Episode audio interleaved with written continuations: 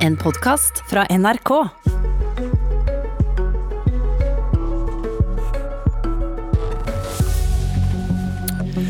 Dugnadsånden er luftet ut av Stortinget. For regjeringen gikk til sengs med sin gamle utro venninne Frp i går. Med enighet om et revidert budsjett og en ny krisepakke snudde den borgerlige flokken ryggen til resten. Det kostet.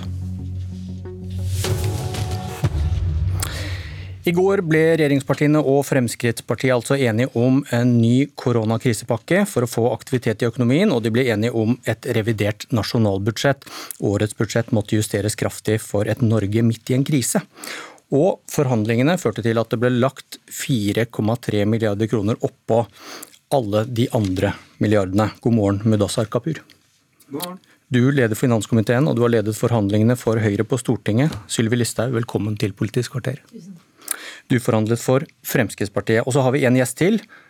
Men for å understreke hvor utenfor hun har vært av det som skjedde i går, så venter vi litt med å hilse på henne. Eh, men Kapur, eh, hvorfor var hun og de andre partiene i opposisjonen utenfor denne gangen? Du og Erna Solberg har understreket hvor viktig brede forlik har vært for å få Norge gjennom krisen. Og den står vi fortsatt midt oppi. Det understreket du i går. Ja, eh, vi har jo nå behandlet både revidert nasjonalbudsjett og krisepakken for såkalt fase tre for Norges vei ut av krisen. Eh, revidert budsjett har vært helt naturlig å forhandle med Fremskrittspartiet, fordi at vi også laget budsjett sammen med de. Og den nye pakken som ble lagt på bordet, eh, ser såpass eh, langt frem i tid og hadde så store budsjettmessige konsekvenser at eh, for oss var det naturlig å snakke med Fremskrittspartiet om den pakken også samtidig, og se om vi kunne finne løsninger sammen der. Hva skjedde med grunnene til å ha disse brede forlikene, da? Nei, De grunnene for å ha brede forlikene ligger der fortsatt. Opposisjonen er hjertelig velkommen til å stemme for de vi har kommet ja, frem til. Så det er mye god politikk å velge og vrake. Men vi er også litt mer tilbake i, til normalen. Altså, det var en akutt fase i starten hvor det var viktig å få brei forlik, men akkurat denne saken, som har hatt store budsjettmessige konsekvenser, er en pakke på 27 milliarder kroner oppå revidert nasjonalbudsjett. Det har vært naturlig at vi har snakket med Fremskrittspartiet først. Ok, Dere valgte å gjøre opp med Frp, som har fått en rekke gjennomslag i budsjettet. Eldre får 400 millioner kroner ekstra, bl.a. for å få til litt mer aktivitet for de gamle på sykehjem. Eh, Kapur, hvorfor er ikke dette en lur bruk av penger nå?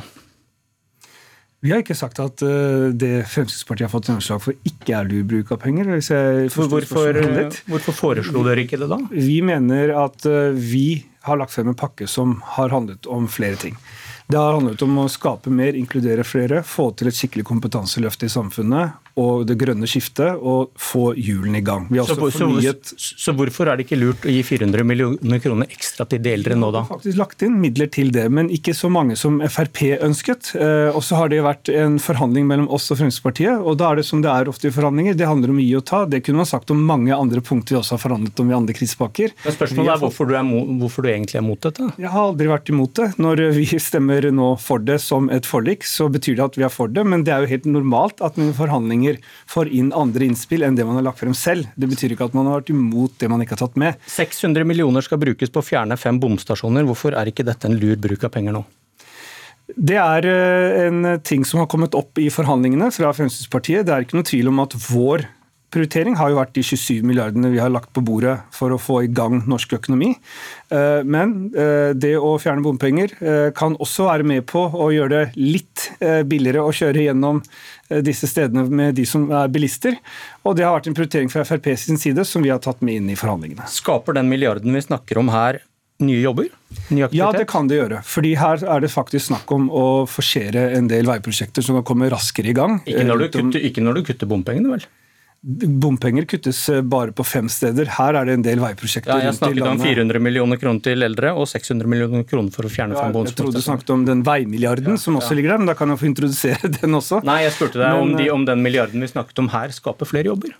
Det kan eh, være med på det, fordi den ordningen for de eldre eh, er jo også snakk om at man, eh, frivillige organisasjoner, flere kan bidra til å følge opp de eldre. Så her kan det skapes aktivitet, men det vil jo tiden vise etter hvert som ordningene settes i gang. Hva kuttet dere for å få råd til bompenger og eldresatsing bl.a.? Vi har gjort noen tekniske kutt, men det har ikke vært gjort noen store kuttgrep som, som, du etterlyser. og Grunnen til det er at vi står fortsatt i en krise. Nettopp fordi at dette har vært en krisepakke på 27 milliarder kroner som handler om å få norsk næringsliv over kneika. Og Hvor kommer pengene fra da, hvis dere ikke kutter? Nei, Dette er nye penger som kommer fra oljefondet. Ja. Og uh, spørsmålet ble skaper disse nye milliardene mange nye jobber? Ja, de, de, de 4,3 milliardene. Til sammen, så Dette er en helhet. Til sammen så skaper denne pakken jobber. Vi har forsterket og fornyet og forlenget kompensasjonsordningen også gjennom disse forhandlingene. Det gjør at flere bedrifter overlever sommeren, ut på høsten. Flere jobber reddes, flere har en jobb, arbeid å komme tilbake til. Vi har satset på kompetanseheving i denne pakken. Så til sammen så vil dette være med på å få flere over kneika, både bedrifter og familier. Til sammen, Vi dykker litt ned i detaljene. Sylvi Listhaug, et enstemmig Frp-landsmøte vedtok å bruke 100 milliarder på å fjerne alle bomstasjoner da dere satt i regjering.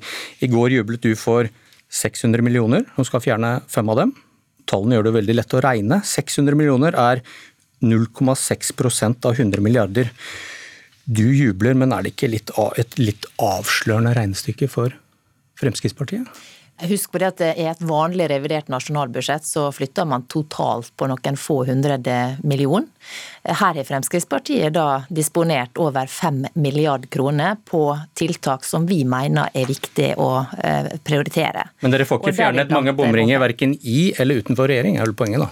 Ja, Vi får jo nå fjerna fem bomstasjoner, som eh, hvis ikke vi hadde gjort det, hadde stått og henta inn penger fra bilister og bedrifter i noen av dem mange år framover. Hvor mange hjelper dere nå med dette?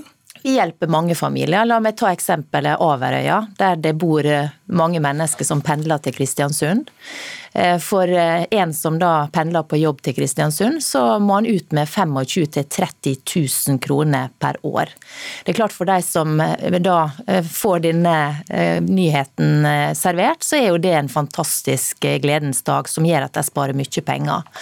For bedrifter som er i dette området, der er det også mye næringsvirksomhet. I en tid der man sliter, så er det klart at det å spare enorme utgifter på bompenger, det vil bidra til å lettere for disse bedriftene gjennom kneika, og kanskje til og med på sikt kunne sysselsette flere. Dere ropte eh, ganske, fordi de sparer penger. Dere ropte ganske høyt om at dere ville la alle kjøre gratis gjennom bomstasjonene på riksveien i sommer.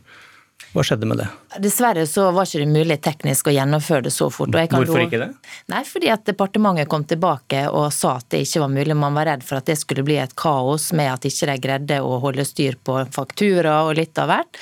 Og jeg, jeg har skjønt det sånn på at, at på, no, på, noen bomsnitt så er det bare å skru ned til null? Og det ikke ja, er så teknisk vanskelig?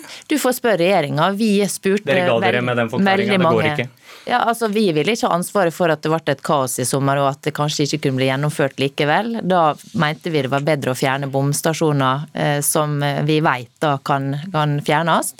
Men dette er jo et godt punkt å ta med seg inn i forhandlinger for neste års statsbudsjett. For da er det i hvert fall ingen problem å kunne skru av bomstasjonene neste år, hvis vi finner ut at det er det vi vil prioritere. 0,6 gjennomslag denne gangen. Eh, da skal hun som ikke fikk være med, få være med. Hei, Rigmor Aasrud fra Arbeiderpartiet.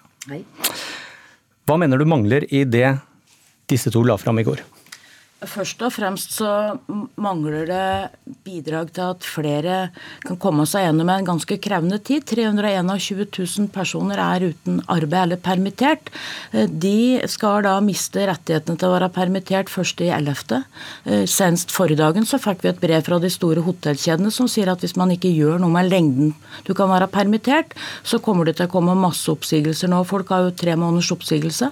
Det betyr at rett etter ferien så må de begynne å si opp folk hvis man man ikke kan forlenge permitteringstida. Hva koster det du foreslår da? Ja, det å forlenge permitteringstida koster om lag 1,8 milliarder kroner eh, fram til jul.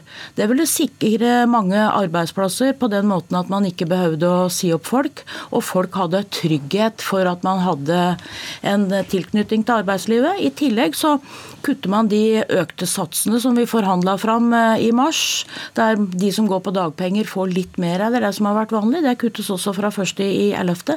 Det mener vi er feil.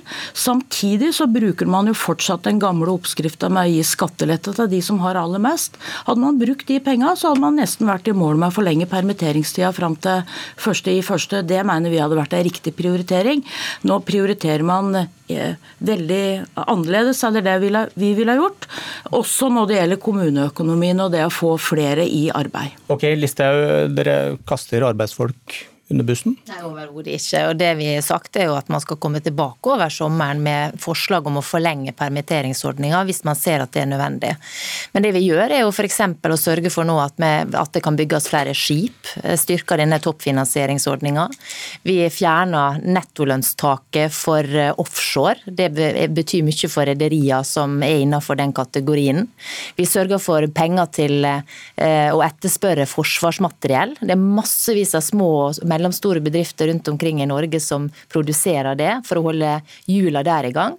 Og vi fjerner egenandelen i kompensasjonsordninga, som betyr veldig mye for de små bedriftene, for at de kan komme gjennom kneika. Så å påstå at vi kaster det under bussen, det er det dummeste jeg har hørt.